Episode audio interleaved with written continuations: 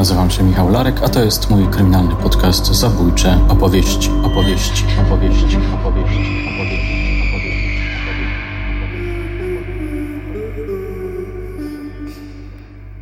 Seryjni mordercy, rozmowa z Maciejem Szymczakiem.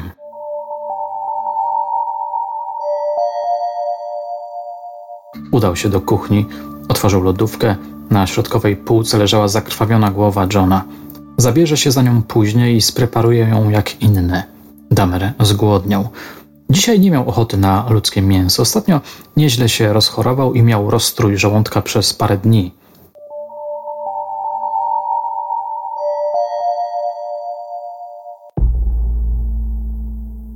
Karol Kot, Karl Denke, Edmund Kolanowski, Bogdan Arnold, Tadeusz Kwaśniak, Ferdynand Gruning, Joachim Knychała, Daniel Szmanowski. Co łączy tych seryjnych zabójców? Otóż fakt, że ich mroczne życiorysy stały się kanwą opowiadań, które weszły w skład niezwykle emocjonującej książki Macieja Szymczaka pod tytułem Seryjni.pl, wydanej w 2021 roku przez wydawnictwo Phantom Books. Mnie najbardziej do gustu przypadły chyba dwa. Ojczulek Denke z powodu klimatu oraz seryjni.pl za pomysłowe, bardzo na czasie podejście do historii kwaśniaka. Dlaczego przywołuję tę książkę? 28 lutego tego roku w poznańskiej restauracji Geranium Wege Kuchnia przeprowadziłem live'a z Maćkiem na moim profilu na Instagramie, w czasie którego pisarz odpowiadał na wasze i moje pytania.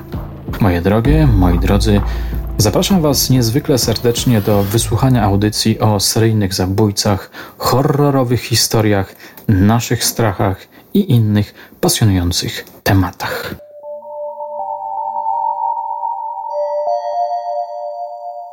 Dlaczego autor, który praktykuje horror, w pewnym momencie zabiera się za seryjnych zabójców, czyli postaci jak najbardziej prawdziwe, rzeczywiste, um, niezwiązane ze światami metafizycznymi itd., itd. No bo jest to realne zagrożenie, a realne zagrożenie bardziej ludzi przeraża. Można powiedzieć, że tak kiedyś ludzie bali się upiorów, zjaw, no, no, no, no to dzisiaj tak, to, takimi strachami, realnymi strachami są właśnie seryjni mordercy. Gdy, a to, co najbardziej jest przerażające w seryjnych mordercach, że oni wyglądają jak ty czy ja, nie, nie, nie są to jakieś, nie wiem, przepoczwarzone postaci, które, które można rozpoznać. Tylko to są po prostu zwykli ludzie, czasami bardzo elokwentni, wygadani, inteligentni i oni stwarzają naprawdę realne zagrożenie. Mhm. Dlatego mi się wydaje, że, że ten temat ma przyszłość także w horrorach. Aha. Czyli połączenie horroru, czegoś fantastycznego, mhm. z jak najbardziej prawdziwymi opowieściami o rzeczywistych sprawcach zła. No można powiedzieć, że w Stanach Zjednoczonych temat tamtejszych y, seryjnych morderców został już wyeksploatowany w tamtejszej popkulturze. Na przykład Ed Gein, mhm. psy, y, Psychoza, albo teksańska masakra. Twórcy tamtych filmów e, inspirowali się jego mm, postacią. Czas teraz, aby e, e, czas, czas, czas teraz, aby po prostu polskich seryjnych morderców też prowadzić do popkultury. Wcale nie, nie są oni mniej ciekawi i, i mniej groźni od, od tych odpowiedników za wielkiej wody. Tak jest. Mm, ale myślałem, wiesz sobie, jak tak zabierałem się za lekturę twojej książki i jakby wygooglałem ciebie i mm. dowiedziałem się, że jesteś autorem horrorów, to myślałem, że jakby mocniej naciśniesz ten pedał um, fikcji znaczy nie fikcji, tylko e, fantastyczności, że tam mhm. będzie więcej mimo wszystko takich oparów, wiesz, metafizyki. Znaczy ja starałem się, żeby przede wszystkim opowiadania były zróżnicowane, żeby każde tak. opowiadanie było inne. Więc nie chciałem tego trzymać w innej konwencji. Starałem się o różnorodność. Też dlatego ta antologia taka jest, mhm. że, że niektóre się bardziej trzyma literatury faktu, a inne są bardziej, że tak powiem, odjechane. Nie niesamowite, fantastyczne. Mhm. Jak się zabrałeś w ogóle do tej roboty? Znaczy kiedy powstał pomysł? Może najpierw tak. Kiedy mhm. powstał pomysł? Więc tak, generalnie często z żoną lubimy sobie słuchać podcastów kryminalnych tak na dobranoc. I czy to zabójcze opowieści, czy właśnie, czy kryminatorium. No i gdzieś słuchając tych opowieści o tych wszystkich um, seryjnych mordercach, w jakiś sposób mnie to zainspirowało. Zapalała mi się lampka, no, że, że, że chciałbym stworzyć taki zbiór, że chciałbym opisać tę historię po swojemu. Mhm. No dobra, yy, okej. Okay. Kiedy to było? Kiedy taka myśl się pojawiła? No myślę, że tak z rok temu. Aha. Z rok temu, bo wszystko za, zaczęło się właśnie od tego Grzegorza Tyklewicza, o którym właśnie kiedyś e, nagrywałeś podcasty, no bo gdzieś jest to morderca, który urodził się e, w miejscowości, w której ja mieszkam, więc chciałem się zapoznać z jego postacią. No i od te, te, tego czasu mm, te sylwetki tych poszczególnych morderców zaczęły mnie fascynować i zacząłem e, śledzić ten temat. Ale jeśli dobrze pamiętam, Tyklewicza nie ma w tym zbiorze. No nie ma, ale... Dlaczego? No bo muszę sobie coś zostawić na później. No tak, czyli planujesz. Oczywiście. Ale, ale o kontynuacji może mm. będziemy mówić dalej. No dobrze, czyli pojawiła się taka myśl, słuchałeś podcastów do poduszki e, i co potem? Jakie były kolejne kroki? No kolejne kroki, e, pisanie poszczególnych opowiadań. Mhm. Zazwyczaj to jest tak, że, mm, że pomysły jakoś rodzą się w mojej głowie. Piszę tak trochę jakby z natchnienia, że, że nie rozpisuję, nie planuję, tylko siadam i piszę. I te historie same ze mnie wychodzą, same się wyświetlają w mojej głowie. Piszę, piszę, piszę i nigdy nie wiem do końca w jakiej to, to pójdzie kierunku. Aha. Czyli nie robisz sobie drabinek? Raczej nie. Raczej to jest e, kwestia natchnienia. Te historie po prostu się rodzą w mojej głowie. Mhm. I siedzę i piszę. Jak? A potem oczywiście zmieniam, przerabiam niektóre rzeczy, wiadomo, ale ten ta, taki surowy szkielet to tak wychodzi jakby z mojej głowy, tak w formie natchnienia takiego. To jeszcze chciałem Cię zapytać o, a propos struktury opowiadań. Mhm. Jak wygląda praca nad końcówkami? Jak wygląda obmyślanie e, końcówek? No, myślanie końcówek, no to jest najtrudniejsze. Końcówki są zawsze najtrudniejsze. No czasami te końcówki zmieniałem konsultując się z nie, niektórymi osobami, które tam czytają moją twórczość i doradzają. No muszę powiedzieć, że czasami miałem z tym problemy, bo zakończenie jest niezwykle istotne. Mhm. Dobre zakończenie. Trzeba, trzeba zacząć z przytupem i skończyć z przytupem. No bardzo ciekawe zakończenie było e, w opowiadaniu o Karolu Kocie. Mhm. No tak, ta, ta końcowa jak, scena. Mhm, tak, tak. Jak się pojawi... Nie, nie będziemy zdradzać. No, spoilerować. Nie będziemy wam e, spoilerować, ale polecam wam to opowiadanie i jego Myślę, że, zakończenie. że to zakończenie jest taką metaforą zła, które siedzi, siedzi w ludziach, które może się pojawić w każdym. Takiej nieprzymialności zła, bo ci ludzie, seryjni mordercy, to oni są pod każdą szerokością geograficzną. Tak żyli praktycznie w każdych czasach. No i zapewne niedługo przyjdą nowi o których jeszcze nie wiemy. Mhm. A dlaczego akurat ci, a nie inni? Tej historie mi się wydawały po prostu najbardziej interesujące. Mhm. No, bo generalnie no, mógłbym też y, na, napisać y, czy o Trynkiewiczu, czy o wampirze z Bytowa, ale no, ale, o, ale to już jest tak popularne. zabił. Więc... No prawdopodobnie też. Jedną osobę pra, pra, najprawdopodobniej. Są też tutaj wątpliwości. Ale, no ale na, na, na przykład Bogdan Arnold, no, on, on był wyjątkowo brutalnym zabójcą, mhm. wyjątkowo przerażającą. Edmund Kolanowski, no postać nam naprawdę może to dziwnie zabrzmi, oryginalna, jeśli chodzi o mordercę, bo, bo, bo takiego drugiego mordercę to ze świecą szukać. I, idealna sceneria Grozy, gdy on tam e, w, e, wykopywał zwłoki, odcinał części ciał i przyszywał tym swoim lalkom tam no, na tym strychu. To jest, to jest idealnie pod grozę, idealny klimat pod grozę. Mnie się podoba w tej opowieści o Kolanowskim, ale już nie o mhm. twoim, nie w, nie w mhm. opowiadaniu, bo akurat mhm. tej sceny nie ma, bo ta scena dopiero niedawno się pojawiła, kiedy rozmawiałem z jednym z um, milicjantów, którzy byli zaangażowani do śledztwa. Nie wiem, czy znasz tę historię. Otóż jak ci... Ja, rozmawia, ja rozmawiałem z um, milicjantem, który był członkiem patrolu a, który się natknął na ten grup i niemalże, no właściwie na Kolanowskiego, który, który operował y, przy ciele. I kiedy po jakimś czasie, po dwóch albo trzech tygodniach zatrzymano go, on w czasie przesłuchania powiedział, że kiedy ta, kiedy, kiedy ta raca wystrzeliła i oświetliła niebo, on się przestraszył, myśląc, że to się pojawia Pan Bóg. A. Który no, ujawnił się, objawił się po to, żeby powiedzieć mu zrobił źle i że zostanie zatrzymany. Czyli w jakimś sensie był on osobą wierzącą. Właśnie tego nie wiem. E, to mnie strasznie zaskoczyło. Hmm. Jak przeglądałem sobie akta e, sprawy, nie było takiej wzmianki. To raczej był człowiek, który był obojętny na te, na te sprawy. Prowadził żywot takiego małego, mm, niby spokojnego człowieka, takiego mm, niepozornego szczurka, ale też lubił bandyterkę. On chodził z hmm. nożem, wygrażał, czasami atakował ludzi. No kiedyś był skazany za gwałty, wiadomo. Hmm. Więc nie ma żadnych tu takich śladów e, religijnych, no ale, ale w czasie przesłuchania podobno coś takiego powiedział. No to ciekawe. Dla mnie to jest scena e, jak z horroru. Ale muszę powiedzieć, że o, o tym nie wiedziałem, nie miałem właśnie. Nie? Nie, nie.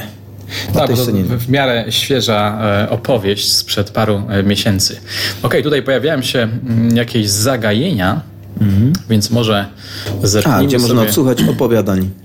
Tak, gdzie można odsłuchać tych opowiadań? Ktoś zapytuje. Opowiadań można odsłuchać na, w audiotece, na Storytel, w MPGO, praktycznie w tych wszystkich większych platformach i, ym, seryjni.pl są dostępni. Tak jest, ja potwierdzam. Ja słuchałem sobie niedawno w samochodzie, wracając ze spotkania autorskiego na Storytelu. E, Czyta Jakub Kamieński, jeśli dobrze Tak, pamiętam. dokładnie. Robi to znakomicie, także e, polecamy audiobooka. Może kombo Edmunda i, I Burzum, i Burzuma. czyli Wikernesa. na to? Co ty na to? No ciężko byłoby ich połączyć, bo, bo Griśniak to bardziej te, te takie polityczne klimaty. Gdzieś ten faszyzm z tyłu w tle, zupełnie inny rodzaj mordercy człowieka. Czyli na razie nie kupujesz pomysłu. Słówko wyjaśnienia. Wark Vikernes, rocznik 1973, znany również jako Count Grishnak, to norweski muzyk. Był twórcą Burzum, czyli black metalowej kapeli. W 1993 roku został skazany na 21 lat pozbawienia wolności za zabójstwo 10 sierpnia 1993 roku gitarzysty zespołu Mayhem Øystena Arseta oraz za podpalenie trzech zabytkowych kościołów. Wykorzystam teraz okazję i zapowiem, że zabieram się powoli za satanistyczne wątki. One na początku lat 90. znalazły się w zasięgu radarów kryminologów. Chciałbym zgłębić ten temat i poświęcić mu osobną serię. Jeśli wśród Was są znawcy tego pasjonującego i przerażającego zarazem zagadnienia, zapraszam do kontaktu. Zerknijmy do pytań, które wysłała nam Angelika. Maćku, tu takie ostre, solidne e, pytanka. Na niektóre już chyba odpowiedziałeś, ale może jakieś dopowiedzenia się e, pojawią. Skąd się wziął w ogóle pomysł na wydanie takiej antologii? Wyszedł on od wydawcy, czy była to inicjatywa e, autora?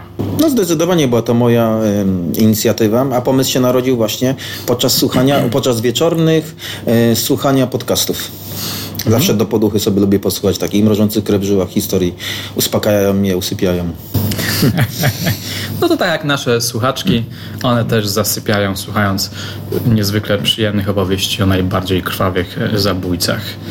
Mm, Potrzebują dużo krwi do, do, do snu. Ym, Ale powiedz może parę zdań na temat e, współpracy z wydawcą, albo w ogóle jak się pojawił ten, a nie inny wydawca, jak się pracowało. Czy coś sugerował, czy coś pomagał, nie wiem. Różnie to bywa. Znaczy, generalnie, y, jeśli, jeśli chodzi o wydawcę, no to ja po prostu sam do niego się zgłosiłem, gdy skończyłem e, pisać ten zbiór opowiadań. Wysłałem mu te opowiadania. Bardzo się zapalił do wydania tej książki. Tak się rozpoczęła nasza współpraca. Klasycznie można powiedzieć. Tak, ale czasami jest tak, że wydawca z pisarzem deliberuje troszkę, doprecyzowują koncepcję i tak dalej, i tak dalej. Tutaj to miałem dosyć wyglądało? dużą swobodę twórczą. Ty, em, I jedy- jedyne ograniczenia to powiedzmy korekta, redakcja, ale, ale miałem duże, dużą swobodę twórczą tutaj. A nie było tak, że na przykład podpowiadał ci wydawca, może jeszcze jeden y, sprawca, może ten, a nie tamten? Nie, ja akurat, znaczy bar, bardziej niektóre rzeczy już przy redakcji po prostu, przy samej redakcji tekstu. Że, że, że co, coś można by pociągnąć bardziej na przykład. Jasne, rozumiem. Okej, kolejne pytanie. Który z ośmiu bohaterów wydaje się autorowi najbardziej przerażający? Najbardziej przerażający, cóż, Ciekawe jestem, pytanie. ja jestem e, człowiekiem wrażliwym na mm, cierpienie dzieci, więc wydaje mi się, że z tych wszystkich antybohaterów, no to najbardziej przerażający, odrażający to, to, to byłby właśnie e, Ferdynand Gring, Aha. Yy, gdyż on był pedofilem, on był pedofilem, mordercą. No, No no, tak. i byłby tak, także właśnie ręcznikowy dusiciel. Ja, Dzieci. Tak, dzieci, dzieci. To, to, to, to, jest, ta- ta- to jest coś, co rusza powiedzmy moje serce, cierpienie dzieci, bo dzieci zawsze odczuwają to 10 razy bardziej jak ludzie, cierpienie. No i, i to jest dla mnie ta, ta, takie no, najgorszy rodzaj bestialstwa. Pastwienie się nad dziećmi, mordowanie dzieci. Pamiętam, jak ja byłem u na przykład e, ojca Ewy Tylman, albo byłem u pana e, Kominka, którego w 88 roku córeczkę e, zamordowano, to czułem się chyba najbardziej nieswój w całej tej swojej, powiedzmy, cudzysłów, karierze Truckreimera. Jeszcze to jest niewyjaśnione, to jest Jeszcze to- najgorsze. tak, mhm. To, jest, to musi być ból przerażający. obserwować rodzica już po latach, który jakoś tam się uporał z bólem, mimo wszystko jest e, czymś e, wstrząsającym. Mm, Dobrze, to kolejne e, pytanie. Czy jeśli byłaby taka możliwość, to autor zdecydowałby się na rozmowę z jakimś seryjniakiem? A jeśli tak, to z którym i dlaczego?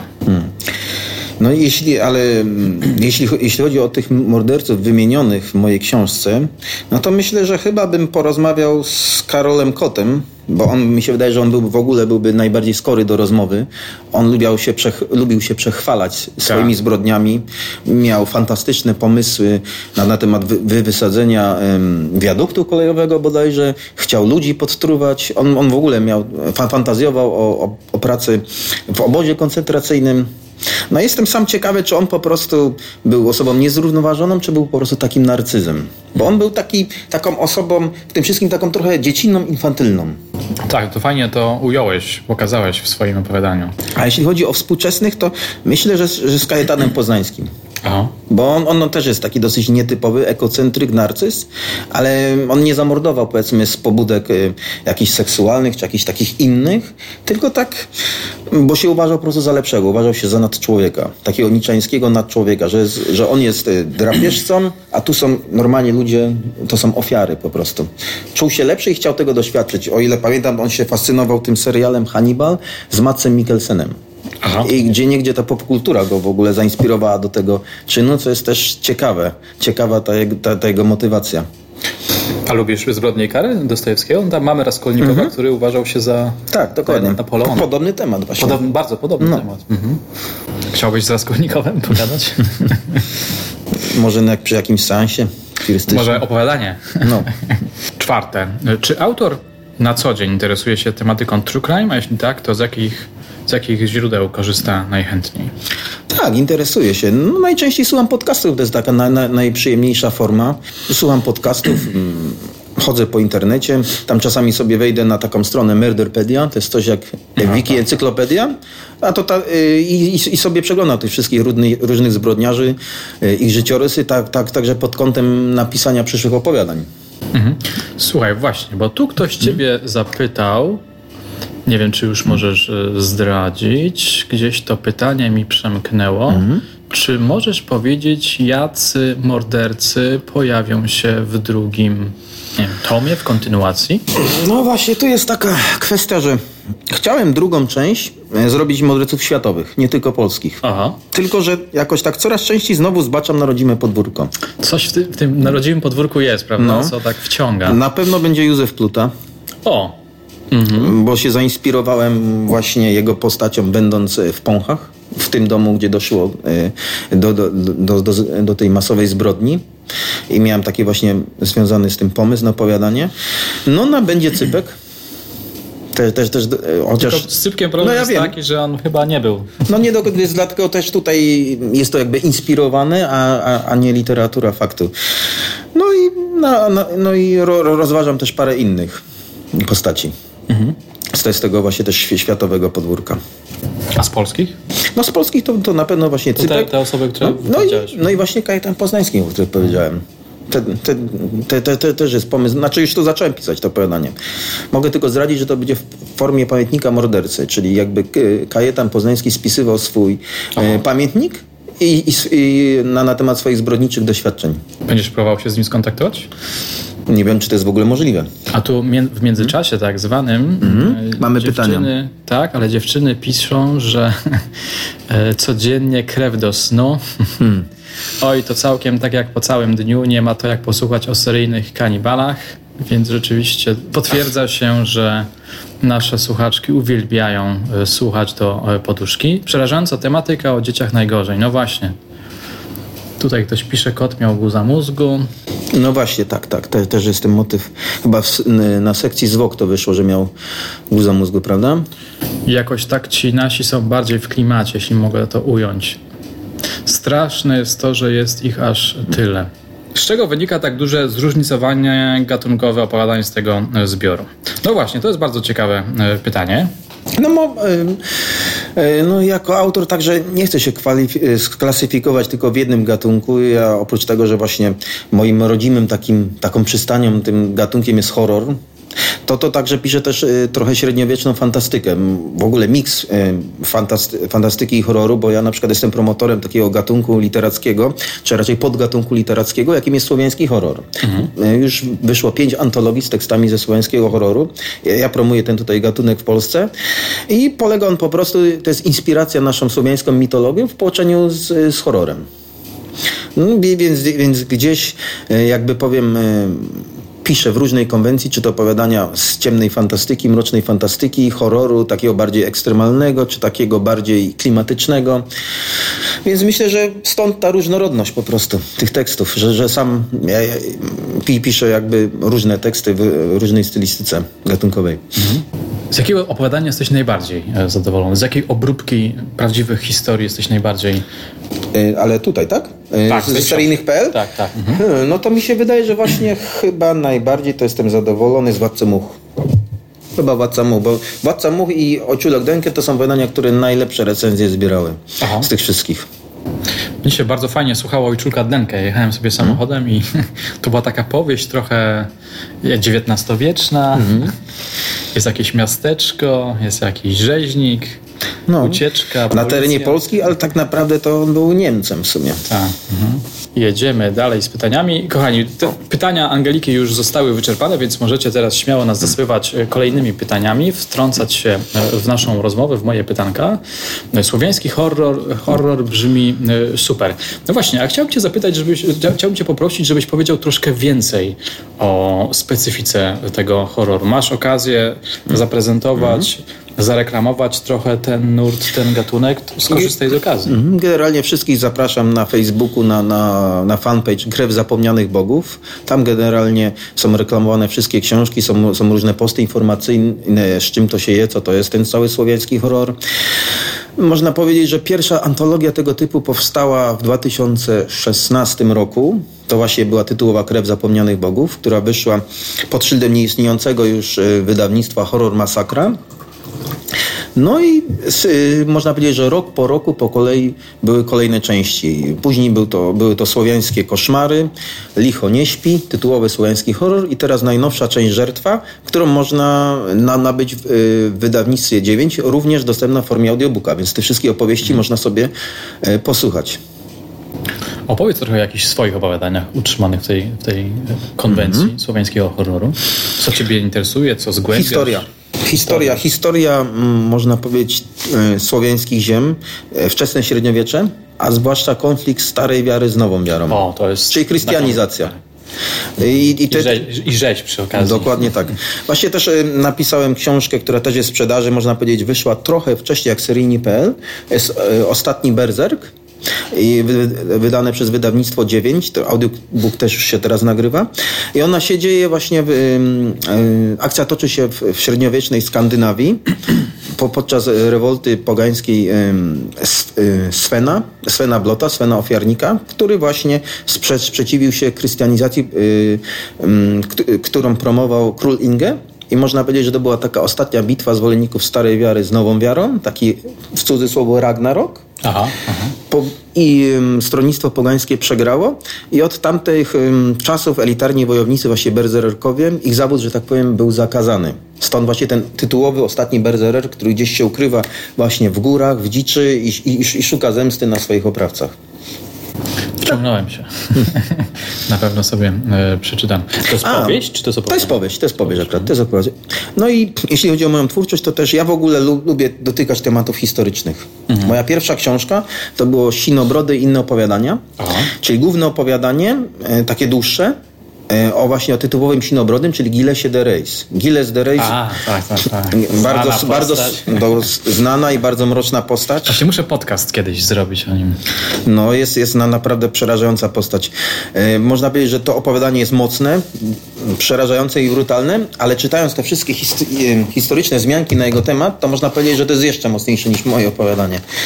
To, to co wyprawia ten człowiek, to, to przechodzi ludzkie. A na czym, na czym się skupiłeś w tym opowiadaniu? Na, jego, na przedstawieniu jego postaci. Aha. Mm, trochę też od metafizycznej strony e, takiego zagubionego arystokraty, który wpadł w długi, w kłopoty finansowe i żeby so, so, sobie jakoś to zerkompensować, e, wszedł w pakt z szatanem Został opętany przez demona, no i mordował na jego polecenia te wszystkie dzieci. I generalnie on był, że tak powiem, nie do ruszenia, bo był pod płaszczykiem i kościoła, i wielmożów. Był marszałkiem wojsk bretońskich tak historycznie mówiąc, przypisuje się mu nawet prawdopodobnie ta, nawet czyst, czysta ofiara. Mhm. Z jakich źródeł korzystałeś? Podpytam cię teraz o research, bo to mnie bardzo mhm. interesuje. Ja mam na półce książkę mhm. o tym e, sprawcy. Mm, jakieś inne źródła? Też książka, ale to była książka o różnych słynnych właśnie historycznych zbrodniarzach. Już nie, nie, nie pamiętam teraz nazwy, bo e, dawno temu to pisałem. No plus internet. Książka plus internet. Mhm. To ja też trochę tam grzebałem w jakichś anglojęzycznych, tych, gdzie tego było więcej. To, co ciekawe o Gillesie Reis jest na przykład to, że go loża masońska próbowała oczyścić jego imię. To było jakieś no nie wiem, paręnaście lat temu próbowali oczyścić jego imię sądowo, że go wrobili i on był niewinny, no ale przegrali ten proces. Mhm. To w ogóle ciekawe, skąd ta loża masońska i Gilles de Reis, który także palał się okultyzmem. Słuchaj, Ciekawa to, sprawa. No to jest w ogóle temat na jakąś taką ciekawą powieść, trochę w stylu Dana Browna. No tak, gdzie niegdzie w tym moim sinobrodym to te, temat, te, ta tematyka jest poruszana. Ja przyznaję, że tych wcześniejszych rzeczy Maćka jeszcze nie czytałem, ale po dzisiejszym live nabrałem apetytu i na pewno nadrobię te zaległości lekturowe. Zerkam na ekran i widzę na przykład takie oto pytania. Może zechciałbyś napisać o rzeźniku z Wildy, czyli o Kazimierzu Polusie. Znana ci jest ta tak, historia? Tak, tak, oczywiście, oczywiście. Myślałem o tym, myślałem Aha. o tym też. On, on za, za, zabił tego chłopaka, który tam do niego przychodził, bo tam chodziło też o jakieś pieniądze, które ten mu pożyczył. Nie chciał mu oddać i go tam zamordował, że to, to nie była inna ofiara, bo tam jeszcze byli jacyś inni chłopcy. To był wielokrotny, trzykrotny mm. zabójca. Przynajmniej to udowodniono mu. Mały chłopiec i, i, i młodzieńcy. Chyba nie tylko w Poznaniu mordował. W Szczecinie zabił 8 czy 9-letniego Ireneusza. Ja nie wiem czemu, ale mi się jakoś to miesza ten cypek z tym polusem. Jakoś podobne do siebie postaci. Nie wiem dlaczego. Mi się daje, że z charakteru tacy mogą być tacy. Mi się w ogóle nie, e, nie, nie, nie mieszają, ale mm. póki nie zanurzyłem się tak konkretniej w mm. True Crime, zawsze myliłem Polusa e, z Plutą. Z Plutą. Mm. I nigdy nie wiedziałem, który jest bohaterem anegdotki opowiedzianej mi przez jednego z oficerów. Nie, nie wiem, czy pamiętasz tę historię? Ja chyba o tym w podcaście e, swoim mówiłem. To jest Plu, Polus, a nie Pluta. Mm. Polus był już skazany na karę śmierci i pewnego razu naczelnik, tym naczelnikiem chyba był wtedy Stanisław Mróz, został mm, poinformowany, że Polus chce się z nim widzieć. Rzadko kiedy coś takiego się mm -hmm. działo, więc on zaintrygowany zgodził się na to widzenie. Polus wchodzi do niego do, do niego do gabinetu i Mróz, chyba to był Mróz, ale nie jestem teraz e, pewien, pyta o co chodzi Kaziu? A Kaziu, czyli e, Kazimierz Polus mówi tak, panie naczelniku, mam taką sprawę. Chciałbym taki układ zaproponować. Wy mnie, wy puścicie, mm -hmm. a ja polecę do Stanów Zjednoczonych i tutaj pada brzydkie słówko, zaciukam tego brzydkie słówko Regana. Więc taki, mm. taki miał pomysł. taka Kariera szpiegowska taka barterowa, tutaj, najemnik. Tak, taka barterowa no, ciekawe, ciekawe. współpraca. Hmm. To mają różne pomysły. Hmm. Polus chyba nawet pisał pismo do Związku Radzieckiego. Tam chciał e, świadczyć swoje usługi. Hmm. Dużo się robi, żeby, żeby ocaleć przed śmiercią. Ktoś tu pisze, Karol Denke mieszkał w Ziębicach, z tego miasta pochodzi. No, Edyta Górniak, no to nie wiedziałem. Ciekawe skojarzenie. Nie wiem, czy jest ono ważne, ale wierszyk o plucie tak, tak, tak. znacie. nie, nie powtórzę go, ale o plucie czy... A, o plucie. O plucie, plucie. Słuchajcie, no ten wierszyk został rozbudowany o moich kilka wersów w moim podcaście. Aha, tak? tak. W moim podcaście ja cytuję ten, tę oryginalną wersję, ale dobudowałem też o kilka wersów. Ale ja właśnie też pamiętam z czasów młodości, że o plucie się mówiło. Pamiętam właśnie z tym suchym lesie się o tym mówiło, no i mówiło się też o kwaśniaku, bo rodzice często ostrzegali, że Aha, uważaj, na, tak, uważaj na zboczeńca z ręcznikiem, że mówiło się, że, że e, pan z ręcznikiem zaczepia dzieci i dusi, nie? To pamiętam, że był taki, ja mieszkałem w Baranowie wtedy nad Jeziorem Kierskim i jak tam chodziliśmy się kąpać nad jezioro jako dzieciaki, to zawsze nas ostrzegali, żeby nie podchodzić do panów z ręcznikiem, nie? Aha. Gdzieś ta historia żyła. To no było tam koniec lat 80., początek 90., nie? Czyli początek Kwaśniak? 90. No. Kwaśniak to był 90 90. Tak, 90. No, to gdzieś tak miałem z 11 lat wtedy, no. No to, to pamiętam tą historię, pamiętam. Który jesteś roczny? 80. 80. No to tak, byłeś mniej więcej w targecie, no trochę młodszy byłeś. On tak bardziej 7,8, 7,9, 7,7. Mm. Ja jestem 7,8. 7,8. Hmm. Tylko, że ja na szczęście wtedy mieszkałem w okolicach Szczecina jeszcze nie było planów, żeby się pojawić w Poznaniu.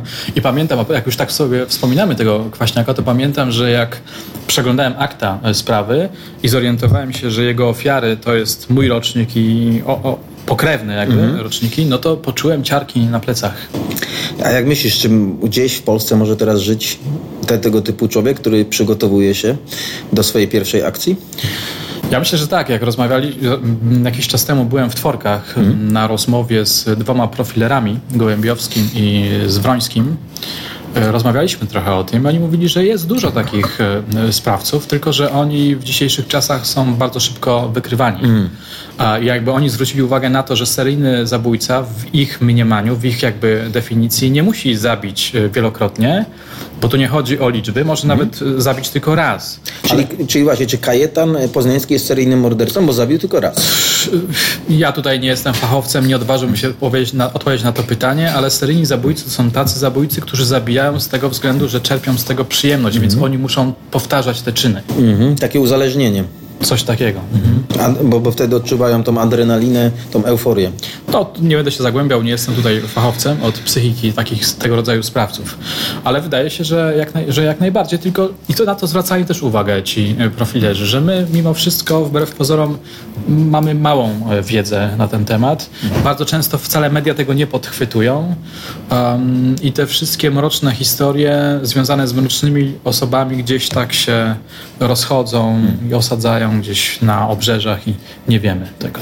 A jeszcze nie, niedawno była taka historia yy, nad jeziorem chyba Rusałk? Tak, nad Rusałką, że, że, że jakiś zamaskowany mężczyzna z gazem zaatakował kobietę i chciał ją wciągnąć w te w tak, krzaki. Nie, no to było rok temu, ale ktoś jej tam pomógł, jakiś inny biegacz. Aha. Jestem ciekawy, czy to nie jest jakiś seryjny, który właśnie się uczy w swym fachu. Ciekawe. No teraz pojawiła się ta przerażająca sprawa e, w zakładzie karnym w Rzeszowie. Nie wiem, czy... No, to nie słyszałem. Tak, psycholog więzienna została zaatakowana przez aresztanta, który, który potraktował ją nożyczkami. Pamiętam, że widziałem tę informację jakoś tak po południu. Wtedy pojawiła się dodatkowa informacja, że walczy o życie i po paru godzinach pojawiła się informacja, że e, umarła. Mm. A, a później Jan, Jan Gołębiowski na swoim Instagramie napisał, że był to seryjny gwałciciel. Jest bardzo... No, Seryjny gwałciciel. Szalona sprawa. O, właśnie, Tulipan z brzegu. To jest chyba ostatni polski seryjny morderca. Okej, okay, to zerknijmy znowu hmm. na ekrany. 80, 80 A. tak jak ja, pozdrawiam. Dobry rocznik. e, nas straszyli Trynkiewiczem, satanistą te czarne wołgi to gdzieś tam rzeczywiście. A propos, tak sobie tak wejdę, bo jak tak sobie hmm? rozmawiamy o różnych seryjnych e, zabójcach.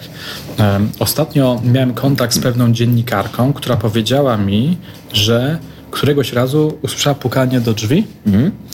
W drzwiach stanął mężczyzna. Jak się potem okazało Trynkiewicz. I on bardzo mocno chciał, nalegał, żeby wejść do tego mieszkania. Nie będę teraz zdradzał e, szczegółów, A bo kiedy będzie to było? o tym podcast. E, no w latach 80. A, w latach 80. wtedy. Wcześniej trochę przed tym, jak zatrzymano go. Mhm. Nie będę teraz zdradzał szczegółów, ale e, bo chcę zrobić rozmowę z tą, z tą panią, no, to... ale to bardzo ciekawa historia. Zapowiada się bardzo interesująco, tak. nie posłucham. Mm, okej, okay. mnie straszyli czarną wołgą, także teraz będziemy mówić o A, naszych strakach. No właśnie. Kto ty jesteś, pluta mały, jaki znak twój topór biały, gdzie ty mieszkasz w suchym lesie? Co ty niesiesz, trupa niese. Przerażająca wizja, mnie straszyli tylko czarną wołką, wołgą, tulipan z koło No właśnie, tulipan z koło brzegu. Moja żona jest z koło brzegu. O. Więc gdzieś też ten temat. Wiem, że tam mówiła mi żona, że jakaś jej znajoma kojarzy tego tulipana w ogóle. Aha. Że gdzieś to jest jakaś małe miasteczko, więc ten człowiek był tam kojarzony, był znany mhm. ogólnie. Jak na Kołobrzeg takie, no to dosyć wstrząsająca historia. Cia. I ja z epoki Czarnej Wołgi, no właśnie. Mhm. Przypominają się nam te strachy. A to ciekawe, pamiętam, że Stephen King pisał, że tak naprawdę horror opowiada o naszych prawdziwych lękach, mhm. strachach. Że te, że te potwory to są tylko maski tego, co nas naprawdę mhm. w życiu codziennym um, dotyka, martwi, boli.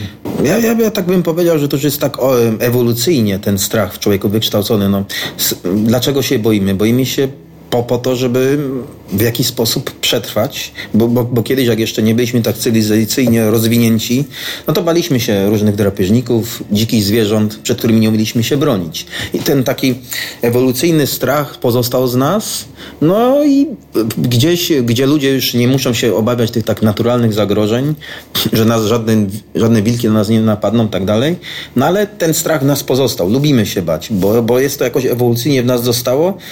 I, co, co, i można powiedzieć, to jest mm, ta, ta, takie przyjemne, nieprzyjemne, nieprzyjemne uczucie, które w sobie, nosimy. To, to ewolucja nas to wyposażyła, st- stąd też ten horror. Ale horror też pełni moim zdaniem taką edukacyjną trochę rolę, no bo tak gdzieś w tym codziennym życiu, jak nie myślimy o tych zagrożeniach, myślimy o, o tym, co przyjemne, powinniśmy sobie też zdawać, że nam się może coś takiego przytrafić. Powinniśmy zawsze mieć to z tyłu głowy. Tak uważam. Ostatnio na warsztatach e, z twórczego pisania miałem ze sobą Dance Macabre e, Kinga. I tam jest taka kapitalna e, e, scena, taki kapitalny fragment, kiedy King mówi, że e, kiedy piszemy opowieści typu horror, to tak naprawdę karmimy wewnętrznego aligatora naszych czytelników i naszych czytelniczek, czyli takiego gada, który jest, e, z, e, który jest spragniony krwi, mięsa i musi zjeść. A jeśli nie dostarczymy mu opowieści, no to ten aligator może wyjść i naprawdę w życiu rzeczywistym robić W szkodę. pewnym sensie tak, a z drugiej strony wypluwamy z siebie tego aligatora.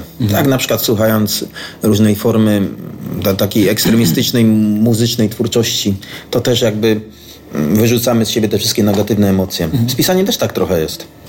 Że pisząc różne rzeczy, także te, te złe emocje, te złe nastroje z siebie wyrzucamy, oczyszczamy się w ten sposób. Taka, takie katarzis, sztuka jako katarzis. A jeśli tak sobie meandrujemy tematycznie, to jeszcze zatrzymałbym się na chwileczkę przy temacie y, horroru.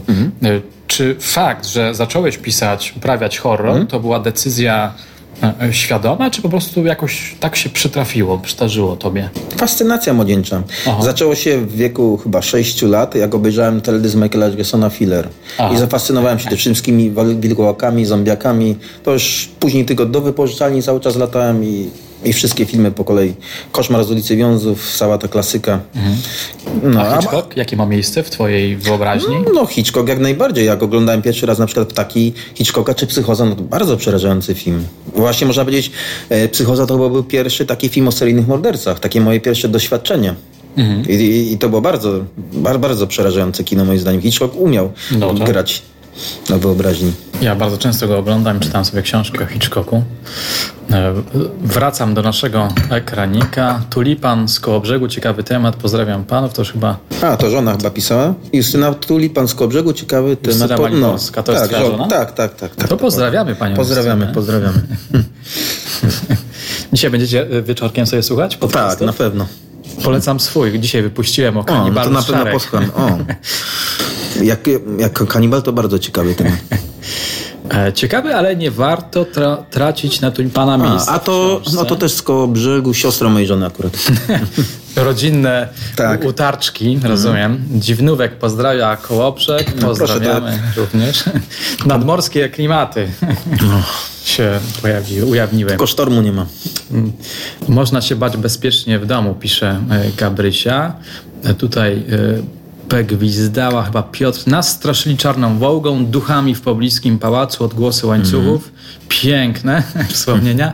I o wykopywaniu zmarłej panny młodej. Jej suknia była użyta ponownie i trupi jad zabijał nas. Tego nie słyszałem. Piękna Ciekawe. opowieść. Rozwiń, kolego, temat w mailu. Chętnie bym sobie poczytał. I tak w koło Macieju, no właśnie.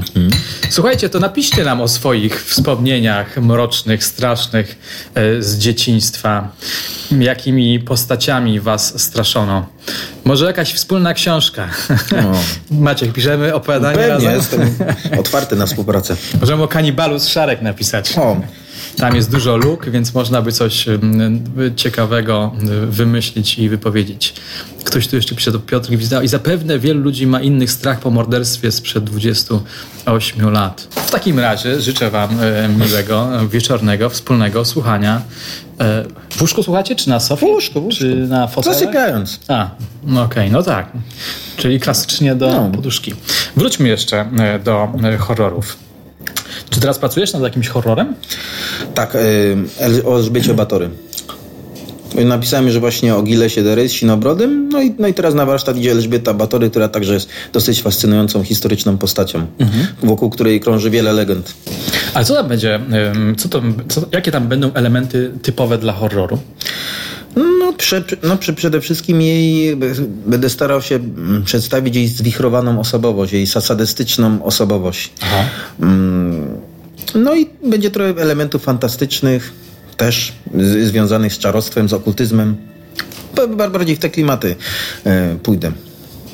Ale że, że tak powiem, opowieść dopiero powstaje, więc nie jest jeszcze do końca ułożona, bo dopiero za, zacząłem pisać. Mhm. Bo tak na zmianę teraz piszę kolejną właśnie część seryjnych i tu zacząłem o tej Elżbiecie Batory. No i jeszcze wypadałoby kiedyś o Vladu Tepesie też napisać, bo to jest taka trójka tych słynnych właśnie historycznych E, zbrodniarzy, morderców, bo, bo o ile, o ile mm, e, wszystkie te opowieści okazają, okaz, okażą się, znaczy okazują się faktami na temat Elżbiety Batory, bo tam też były pewne insynuacje, że też ktoś ją chciał wrobić, więc to też nie wiadomo, czy ona rzeczywiście taka była, czy po prostu odebrali jej majątek. Mhm.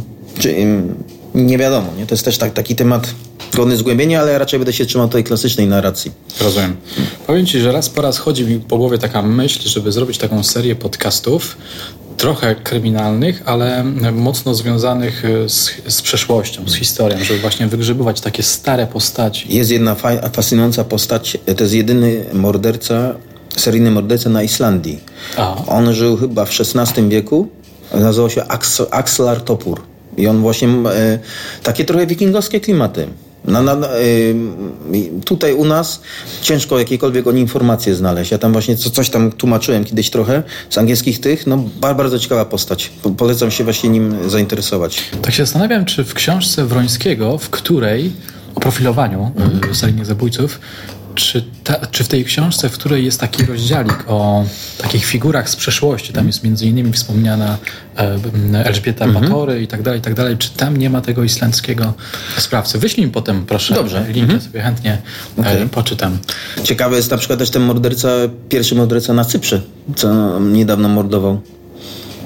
No. On był tam, nie wiem, kapitanem chyba armii cypryjskiej i on się umawiał z kobietami i, na, na randki gdzieś tam na, na odludziu na, na, na, tym Cyprze i je mordował. I to jest pierwszy w historii seryjny morderca na Cyprze.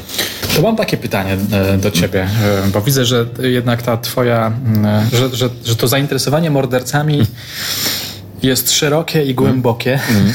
Sięga daleko w przeszłość. No, szukam oryginalnych prosto postaci do pisania. Jasne.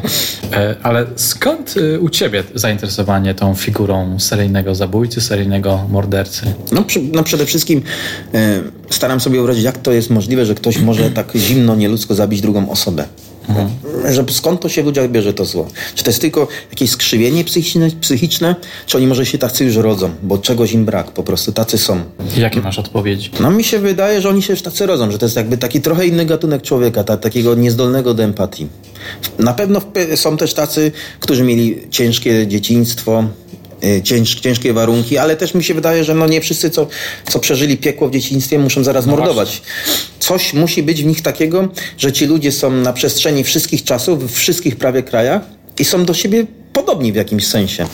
Czyli musi to być jakiś, nie wiem, jakiś ewolucyjny drapieżca albo coś w tym stylu. No, nasi słuchacze, nasze, nasze słuchaczki bardzo się rozkręcili, rozkręciły. Co to teraz tu jesteśmy? A, moja córka. Mnie straszono Anabel, bo dziś mam uprzedzenie do tych szmacianych laleczek.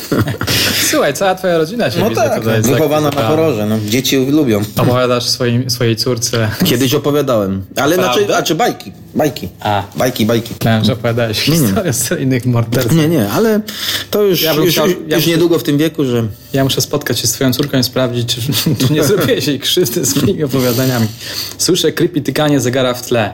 Rzeczywiście tak, dzisiaj jest trochę dźwięków. A, no jest. Pisałem, że dodatkowe Jesteśmy leki... tutaj sami, trochę jak w jakimś nawiedzonym generalnie dworze. Właśnie, zniknął, słuchajcie, zniknął właściciel Geraniu. Wcześniej powiedział nam, że wyjdzie i zamknie nas na klucz. Mam nadzieję, że wróci i będziemy mogli się e, wydostać. Jeszcze chciałem cię podpytać, bo odpowiedziałeś mi na to pytanie troszkę tak... O, już jest. O, Ale wyłania się, wyłania się z ciemności. Em, Bo mi odpowiedziałeś trochę zbyt oględnie. Mhm. Pytanie o research. Chciałem cię tak globalnie zapytać o research. O research to na przykład tych opowiadań, o research, chociażby teraz do, tego, do tej powieści, bo to powieść ma być, tak? O Elżbiecie Mhm. Bato, Batory i tak dalej, i tak dalej. Jak w ogóle wygląda u ciebie ten proces przygotowywania się do stworzenia a najpierw pewnie planu, a potem już do pisania. Znaczy to jest tak, ta historia jakaś rodzi się w mojej głowie, a research po, m, polega na zdobywaniu informacji, aby powiedzmy m, być z, z, zgodnym tutaj z historycznym tłem, aby historyczne tło się zgadzało, żebym nie pomieszał żadnych informacji, więc em, wiek, y, mm, ja- jakaś tam sceneria historyczna, żeby być z, z, zgodnym właśnie z tym duchem czasu. Różne e, imiona, nazwiska, no, na przykład w, przy Elżbiecie Batory to też trzeba trochę z, z tym, z historią jej rodu się zaznajomić, bo tam można powiedzieć, że cały ten ród Batorych, no co, co, coś tam było z nimi nie tak, bo tam to była w, w ogóle ród, ród sadystów i, i mm, no, no, no, nie chcę tu powiedzieć ludzi pomylonych, ale, ale gdzie niegdzie do, docierając do tych informacji, to tam, że bynajmniej dziadek tej Elżbiety lubiał publicznie znęcać się nad swoją służbą, na przykład obcinał im nosy, uszy i też kazał na to patrzeć młodej Elżbiecie Batory, więc gdzieś te sa- sadystyczne jakieś skłonności już w dzieciństwie jej się em, przejawiały.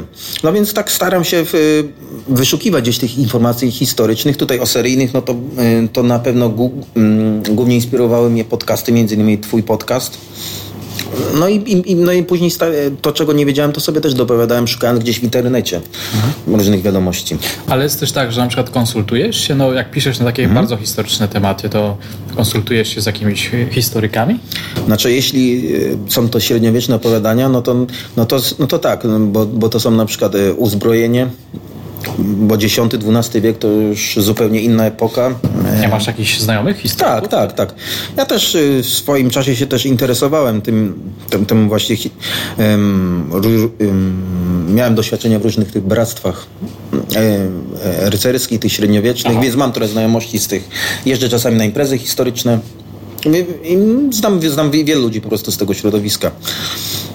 Pytam Cię o ten research, bo jest też tak, że jak na przykład czasami słucham sobie podcastów kryminalnych, mm crime'owych, albo czytam jakieś książki, mo, nie, książki może nie, ale za, zatrzymam się przy podcastach true crime'owych, to bardzo często ten research ogranicza się tylko i wyłącznie do internetu i w Mhm. związku z tym twórczynie bądź twórcy powielają jakieś niesprawdzone rzeczy, nigdy nie zaglądali do akt, nigdy nie Mhm. rozmawiali z ludźmi w taki czy inny sposób zawodowy mm, zaangażowani w tę Mhm. sprawę, więc to są takie to jest taka, ja to nazywam mielonka informacyjna. Odtwórstwo? Takie odtwórstwo, ale też zniekształcanie Mhm. e, faktów albo, zniekształ, albo to powielanie e, Mhm. pewnych stereotypów, plotek, niesprawdzonych newsów.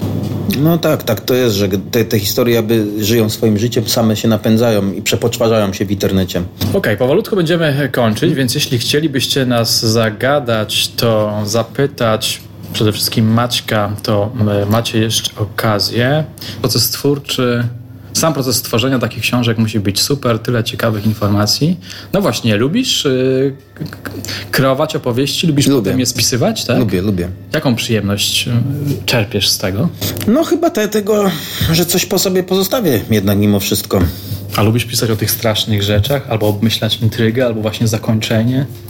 Lubię, lubię. Ja lubię to robić. Ja staram się dziennie poświęcać przynajmniej godzinę czasu na pisanie. Aha. Nie zawsze to wychodzi, czasami jest człowiek zbyt zmęczony, ale staram się. Godzinę, nawet dwie. Różnie to bywa. Po prostu no, trzeba e, regularnie temu poświęcać czas, bo e, jak się zrobi dłuższą przerwę, to wypada się z tego obiegu i potem ciężko jest wrócić, że tak powiem, na właściwe tory. Dokładnie wiem o co chodzi. tak. I z podcastami też musi być ciekawie, jeżdżąc po archiwach na przykład i szukając info. No ja wam powiem, że dla mnie najciekawszy element procesu twórczego to jest, to jest research. Reszta to jest nudna. Nie chcę mi się już pisać. Coraz Czy masz takie reporterskie zacięcie? Ja mam, tak, bardziej takie reporterskie, ale też nie, nie jestem śledczym reporterem. Ja jestem takim, nie wiem kim ja jestem, jakimś takim leniwym zbieraczem opowieści. Właśnie prawdziwa opowieść mnie e, podnieca. Wolę jej słuchać niż potem ją obrabiać. Nine Realms Productions. Mm, To jest właśnie, on wyprodukował e, seryjni.pl audiobooka. A, i moją książkę, Nienawiść. Michale, zrób proszę kiedyś osobny podcast na ten temat. No właśnie, my mieliśmy kontakt i ja nawet rzuciłem taki pomysł, że można by coś spróbować razem zrobić. Mm, Może się to uda. No, myślę o tym, coraz bardziej o tym myślę. Trochę mnie już znudziły te y, standardowe historie kryminalne. Szukam jakichś pomysłów. Może weźcie na warsztat nekrofila z Sachaczewa. Nekrofil Sochaczewa, o, ciekawe. Brzmi ciekawie. Ty- Tyle jest tematów, ja już nie wyrabiam.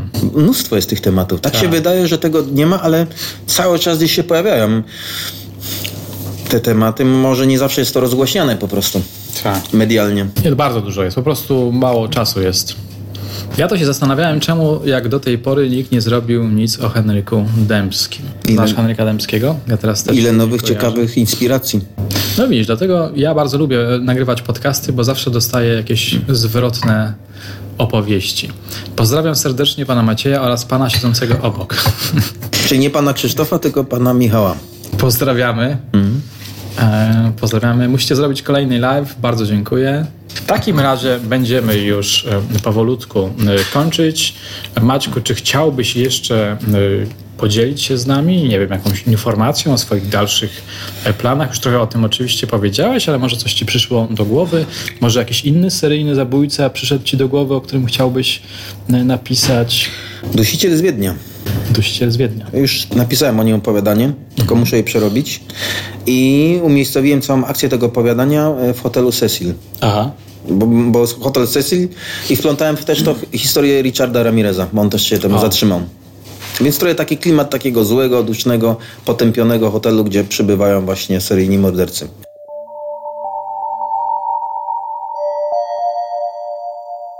Od naszej rozmowy minęło pół roku. Maciek kończy już drugi tom opowiadań inspirowanych biografiami prawdziwych seryjnych zabójców. Tym razem inspirował się m.in. takimi mrocznymi postaciami jak Damer, Cypek, Poznański, Pluta, Vera Renci. Na zachętę zaprezentuję Wam fragment opowiadania pod tytułem Zombie Lover. Posłuchajcie. Damer zmył ze swych rąk krew Johna. Miło było czuć jego ciepłotę na skórze. To dość intymne doświadczenie, kiedy gorąca krew ofiary oblepia twe ciało. Ale to już tylko wspomnienie, tak jak jego poćwiartowane zwłoki. Część ciała umieścił w zamrażarce, pozostałe kawałki wrzucił do wielkiego kufra w pomieszczeniu gospodarczym. Teraz należało przeanalizować sprawę. Jaki błąd popełnił tym razem? Czemu wciąż nie udało mu się stworzyć seksualnego niewolnika? Dobrał złe wiertło, czy może borował nie w tym miejscu, co trzeba? Najgorsze, że znowu pojawił się Steven. To zawsze działo się wtedy, gdy ginęli kolejni ludzie. Duch, zjawa, wyrzuty sumienia. Czy całkiem mu już odpierdoliło? Steven był tym pierwszym, jedynym. Zawsze będzie wspominać swoją zabójczą inicjację. Dlaczego nie ma tak z innymi zamordowanymi? Czemu ich zjawy go nie prześladują? Czemu nie zaprzątają jego głowy? Tylko Steven, cholerny hipis, pamięta go tak dobrze, jakby widział go wczoraj, a przecież minęło już tyle lat. Jeffrey zakręcił kurek od kranu i osuszył twarz ręcznikiem. Udał się do kuchni, otworzył lodówkę. Na środkowej półce leżała zakrwawiona głowa Johna. Zabierze się za nią później i spreparuje ją jak inne. Damer zgłodniał. Dzisiaj nie miał ochoty na ludzkie mięso. Ostatnio nieźle się rozchorował i miał rozstrój żołądka przez parę dni. Sięgnął po kawałek sernika. Usiadł na swojej ulubionej kanapie i zaczął studiować atlas medyczny, zakreślony jego własnymi notatkami. Zatrzymał wzrok na rysunku anatomicznym ludzkiej czaszki. Wziął ołówek i zaczął rysować kolejny punkt na czaszce. Następnym razem będzie wiercił po przeciwnej stronie, ciut wyżej, jak ostatnio. Musi dostać się do środka jak najmniej inwazyjnym sposobem. Trzeba uważać, aby nie doprowadzić do śmierci mózgu. Dotąd ta sztuka mu się nie udawała. Może tym razem szczęście się do niego uśmiechnie i stworzy zombie kochanka. Damer odłożył atlas na półkę i stanął przy szafce z trofeami. Sięgnął po swoją ostatnią zdobycz Z czaszki starannie pozbył się mięśni i skóry. Teraz należało ją tylko upiększyć. Sięgnął po pędzel i zaczął rozprowadzać ochronny lakier po jej kościach. Czynność ta uspokajała go zawsze. To było dla niego hobby, niczym sklejanie modelów. Dbał o swe skarby, to była chluba jego życia. Po chwili pracy czaszka cała lśniła od lakieru. Damer ziewnął przyciągle, dochodziła piąta rano, zaczęło już świtać. Trzeba wyspać się przed kolejnym polowaniem, pomyślał trzeźwo, a potem udał się na spoczynek. W pięknym śnie uprawiał seks ze swoimi wszystkimi ożywionymi ofiarami. W imieniu Macieja Szymczaka zapraszam Was do podróży w głąb spaczonego umysłu szaleńca. Obserwujcie media społecznościowe kolegi i czekajcie na drugi tom. Na dzisiaj to wszystko. Dziękuję Wam serdecznie za uwagę. Przy okazji zachęcam do śledzenia mojego Instagrama, gdzie znajdziecie dużo innych live'ów. Jesienią chciałbym je kontynuować. Dajcie łapkę w górę, komentujcie, ślijcie maile. Będę Wam bardzo, bardzo wdzięczny. Do usłyszenia już niebawem.